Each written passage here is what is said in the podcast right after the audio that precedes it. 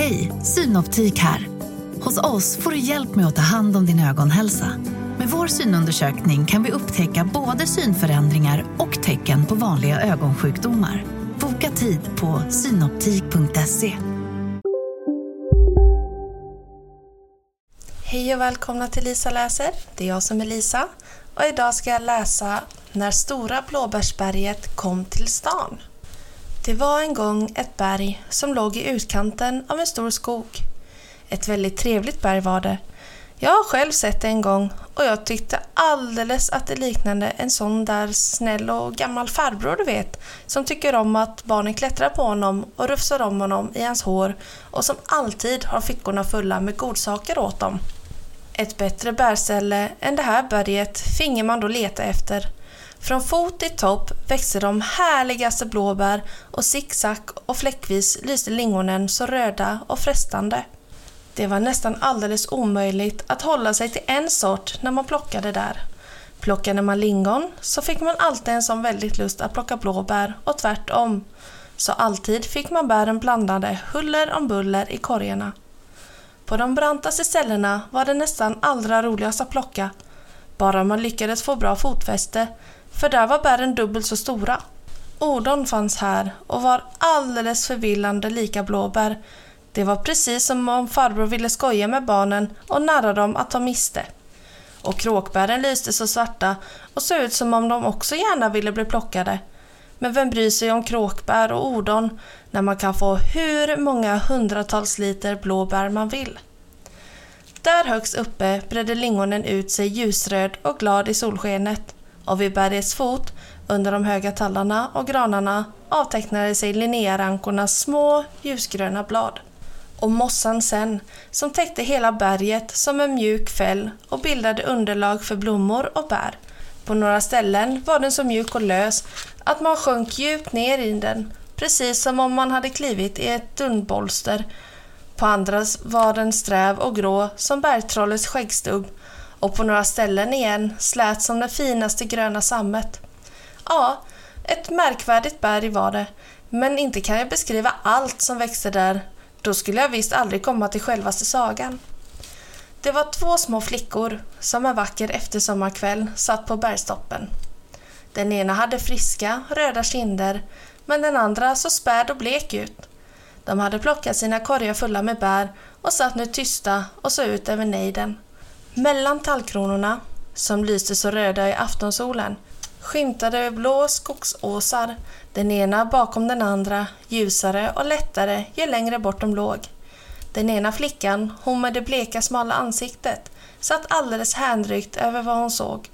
Hon var inte ett lantbarn, utan hade hela sitt liv bott i en stor stad där de grå husen stod tätt sammanpackade och stängde för solen Aldrig förr hade hon vetat att det fanns något så vackert som detta skogsberg. Hon satt och tänkte på hur det skulle se ut att ha ett sånt berg mitt i den stora staden. På Stora torget skulle det nog få rum. Tänk vilken glädje det skulle bli för satsbarnen. Hon var som bäst i färd med att måla ut för sig deras häpnad och förtjusning då hennes kamrat reste sig och skakade av mossan på sin kjol. Kom Greta, nu tänker jag gå hem. Det är snart tid att valla in korna. Jag ska bara sitta här en liten stund till så springer jag ifatt dig sen. Så fort hon hade blivit ensam la hon sig ner, omfamnade berget med bägge armarna och ropade Kära, kära bergtroll, låt mig få ditt berg med mig till stan. Hon gjorde så bara på lek och blev därför mycket förskräckt när hon fick höra ett brummande inifrån berget och strax därpå en stor sten vältes åt sidan. Ett lurvigt, mossbelupet huvud tittade fram med ögon som plirade mot dagsljuset. Nu var det så att bergstrollet som bodde där i berget var ett grymt snällt gammalt troll.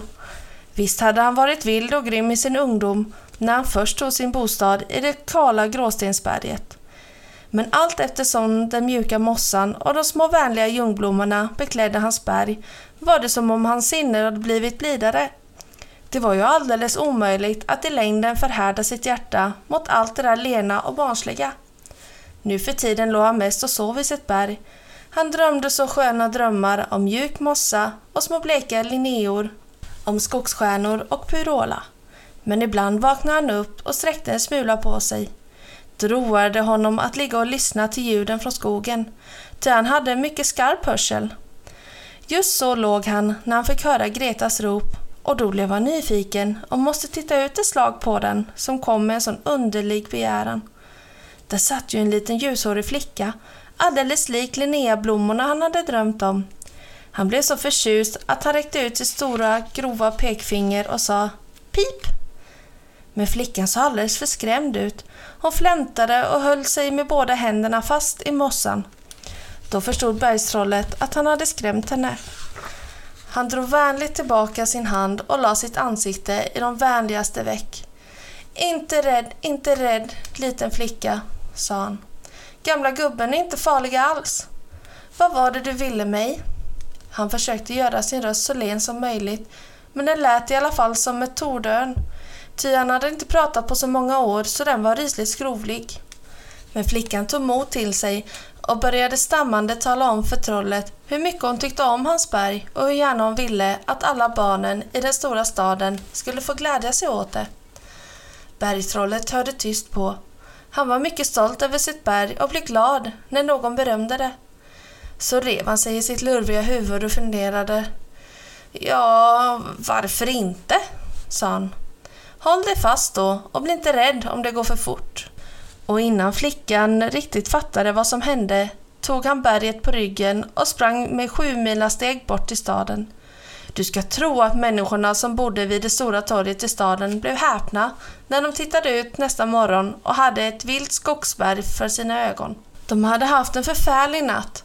Alla hade trott att det var jordbävning och att hela staden skulle störta in. Men det var ju bara bergtrollet som gått omkring och makat lite på husen för att få rum för sitt berg på torget. Han hade gjort det så försiktigt och ordentligt som möjligt. För det hade ju flickan bett honom om. Så att så värst oredigt blev det inte ändå. Fast nog kom en del hus lite härs och tvärs. Och nog blev det lite svårt att komma fram på sina ställen. Till sist hade han emellertid fått utrymme nog för sitt berg och så flyttade han dit det. Själv kröp han ner i det för att vila sig en smula. I början var det inte någon som vågade gå upp på berget fast Greta sa till dem att det var inte alls farligt. Men de röda och blå bären lyste till sist allt för frestande och snart klättrade en hel svärm barn med sina korgar i händerna upp på berget. Det blev ett skratt och ett liv och snart var korgarna fulla och magarna med. Men ändå var det lika mycket bär kvar. Nu ska jag säga att stadsborna fick roligt. Alla sina lediga stunder tillbringade de på berget. De klättrade i träden och rullade sig ut för de mossiga sluttningarna eller låg på magen bland bärriset och plockade blåbär med munnen. Ja, tusen roliga påhitt hade de för sig. Och berget hade nästan lika roligt där det låg och lyssnade till deras pladder. Var det någon som ville göra någon skada på hans vackra berg började Greta bara ropa ett par ord så brummade han en smula och ruskade lite på berget. Mer behövdes inte för att de som var stygga skulle bli snälla igen. Men myndigheterna i staden började fundera på vad de bäst skulle använda det där förärliga berget till. För inte gick det an att ha ett sånt där vilt skogsberg med mossa och vilda bär mitt i en stad. Och så fick överhovträdgårdsmästaren och slottsarkitekten i uppdrag att utarbeta ett förslag. De gick där på berget och mätte och resonerade och bergtrollet som hörde dem låg och skrattade sakta för sig själv och tänkte nu gäller det att hålla sig vaken. Nå, så fick de sin plan färdig. Kejsaren själv, som nådigt intresserade sig för saken, beslöt att den skulle förevisas för honom där uppe på själva toppen av berget. Den dagen fick inga barn komma upp på det. En häck av poliser omgav hela berget och hindrade obehöriga att tränga sig fram. Där uppe vimlade det av fina människor i granna uniformer. Dyrbara mattor var utbredda och på en gyllene tron med tak över satt kejsaren. Så framlades planen. Mossan och riset skulle förstås bort och istället skulle jord föras på så att eh, det kunde bli riktigt fina klippta gräsmattor med stängsel omkring. Däremellan skulle sandväggar anläggas och trappsteg skulle huggas ut i berget så att man bekvämt kunde gå upp och ner. Högt uppe skulle ett utkikstorn byggas och en restaurang med musikpaviljong. Lagerbärsblad i krukor skulle man föra upp och i gräsmattorna skulle det bli fina figurer. Vattenkonster och stengrupper med snäckor omkring skulle man förstås också ha. Och många vakter skulle gå omkring i uniformer med silverränder på och se efter att ingen klev upp i gräsmattorna. Ja, det skulle bli obegripligt fint, men så skulle det också kosta obegripligt mycket pengar. För att få igen vad det kostade borde man, sedan man byggt upp en hög mur kring berget, låta alla som ville komma upp där betala en krona. Ja, alla där uppe på berget tyckte att det var en utmärkt plan. Men bergtrollet som låg innanför och lyssnade, han blev arg och till sist tröt honom tålamodet. Han gav till ett ilsket brummande och skakade berget så våldsamt att tronen ramlade omkull och de förskräckta människorna trillade om varandra. Ja, några rullade i häpenheten ända till bergets fot. Fulla av förfäran flydde de hals över huvud därifrån och ingen av dem vågade vidare sätta sin fot på berget. När någon tid hade gått skickades ändå arbetare dit för att börja riva bort mossan. Men bergtrollet höll sig vaken och så fort någon började arbeta blev det jordbävning igen. Så till sist ville ingen arbetare våga försöka. Då blev myndigheterna förbittrade och beslöt att spränga bort hela berget. Men när den första stensprängaren började bulta där med sitt järnspett hördes ett hiskeligt brak och en jättelik knuten näve stack ut ur berget. Sedan dess fick barnen ha sitt berg i fred. Och så kom vintern med snön och nu blev det om möjligt ännu muntrare på berget. Till nu åkte alla där kälke och skidor på alla håll och kanter. De som inte hade något av det satte sig ner ändå och åkte på bara byxorna utför de hala sluttningarna. Berggubben låg och lyssnade så innerligt belåten på kälkarnas pinglande och barnens muntra ”Ser upp där nere i backen!” Det glada sålet verkade sövande för honom och rätt som det var låg han försänkt i en djup sömn. Bergtrollet sov fortfarande när snön smälte bort och det började våras på hans berg. Den som gladde sig åt våren på berget, det var Greta. Hon var, hade så väl reda på allt som knoppades och spirade där. Och varenda liten ny planta hälsade hon glädje. Särskilt intresserad var hon av blåsipsfamilj som stod under den stora granen på södra sluttningen av berget. Den bestod väl av en tio små blåsippsbarn. De minsta så väl insvepta i sina silvergrå pälsar, men de större, redan otåliga, hade fått titta ut och det började lysa lite blått i toppen av dem. När hon så en solig vårdag kom för att se på dem hade de fem största syskonen slagit ut fullt och blickade glatt upp till henne. De lyste så klara och blå mot den mörka mossan och över dem räckte den allvarliga granen ut sina långa grenar beskyddande, som om den hade varit stolt över sina vackra fosterbarn. Greta stod tyst med händerna hårt knäppta. Hennes ögon fylldes av glädjetårar Tack, tack, viskade hon, fast hon inte riktigt visste vem hon tackade. Men några andra barn blev nyfikna och kom rusande för att se vad det var som hon stod och tittade på så länge. Utslagna blåsippor, skrek de förtjusta och innan Greta hunnit hejda dem hade de ryckt av alla blåsipporna, både stora och små. De minsta med de små korta skälkarna brydde de sig inte om att behålla utan kastade dem på marken. Stackars lilla Greta, nu var det inte längre av glädje hennes tårar rann. Samma historia upprepades sedan dag efter dag. Det hjälpte inte att Greta bad dem så vackert att åtminstone låta knopparna stå och inte kasta bort blommorna när de hade tröttnat på dem utan ta med dem hem och sätta dem i vatten. Barnen skrattade åt henne. Om bergtrollet hade varit vaken hade hon förstås fått hjälp av honom men nu sov han så tungt att han ej alls hörde hur hon ropade och allt morsknade blev de oskyldiga barnen. De for fram som vildar, bröt av grenar och ryckte upp blomsterstånd och gjorde all odygd som föll dem in. När det blev lite varmare började människorna att soliga dagar slå sig ner på berget med sina matsäckskorgar. De hade så muntert och trevligt där och allt hade varit bra om de bara hade tagit sina äggskal och flaskor och smörgåspapper med sig hem istället för att lämna dem kvar på berget.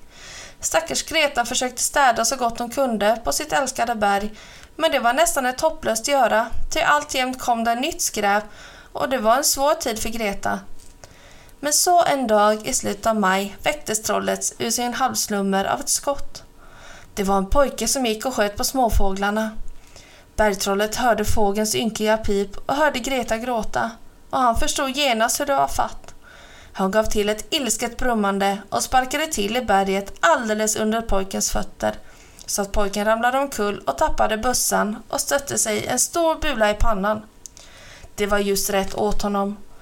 Men så fick trollet lust att se hur Asperger tog sig ut så här på vår sidan. Han välte undan stenblocket och stack upp sitt huvud med den påföljd att alla barnen utom Greta rusade därifrån.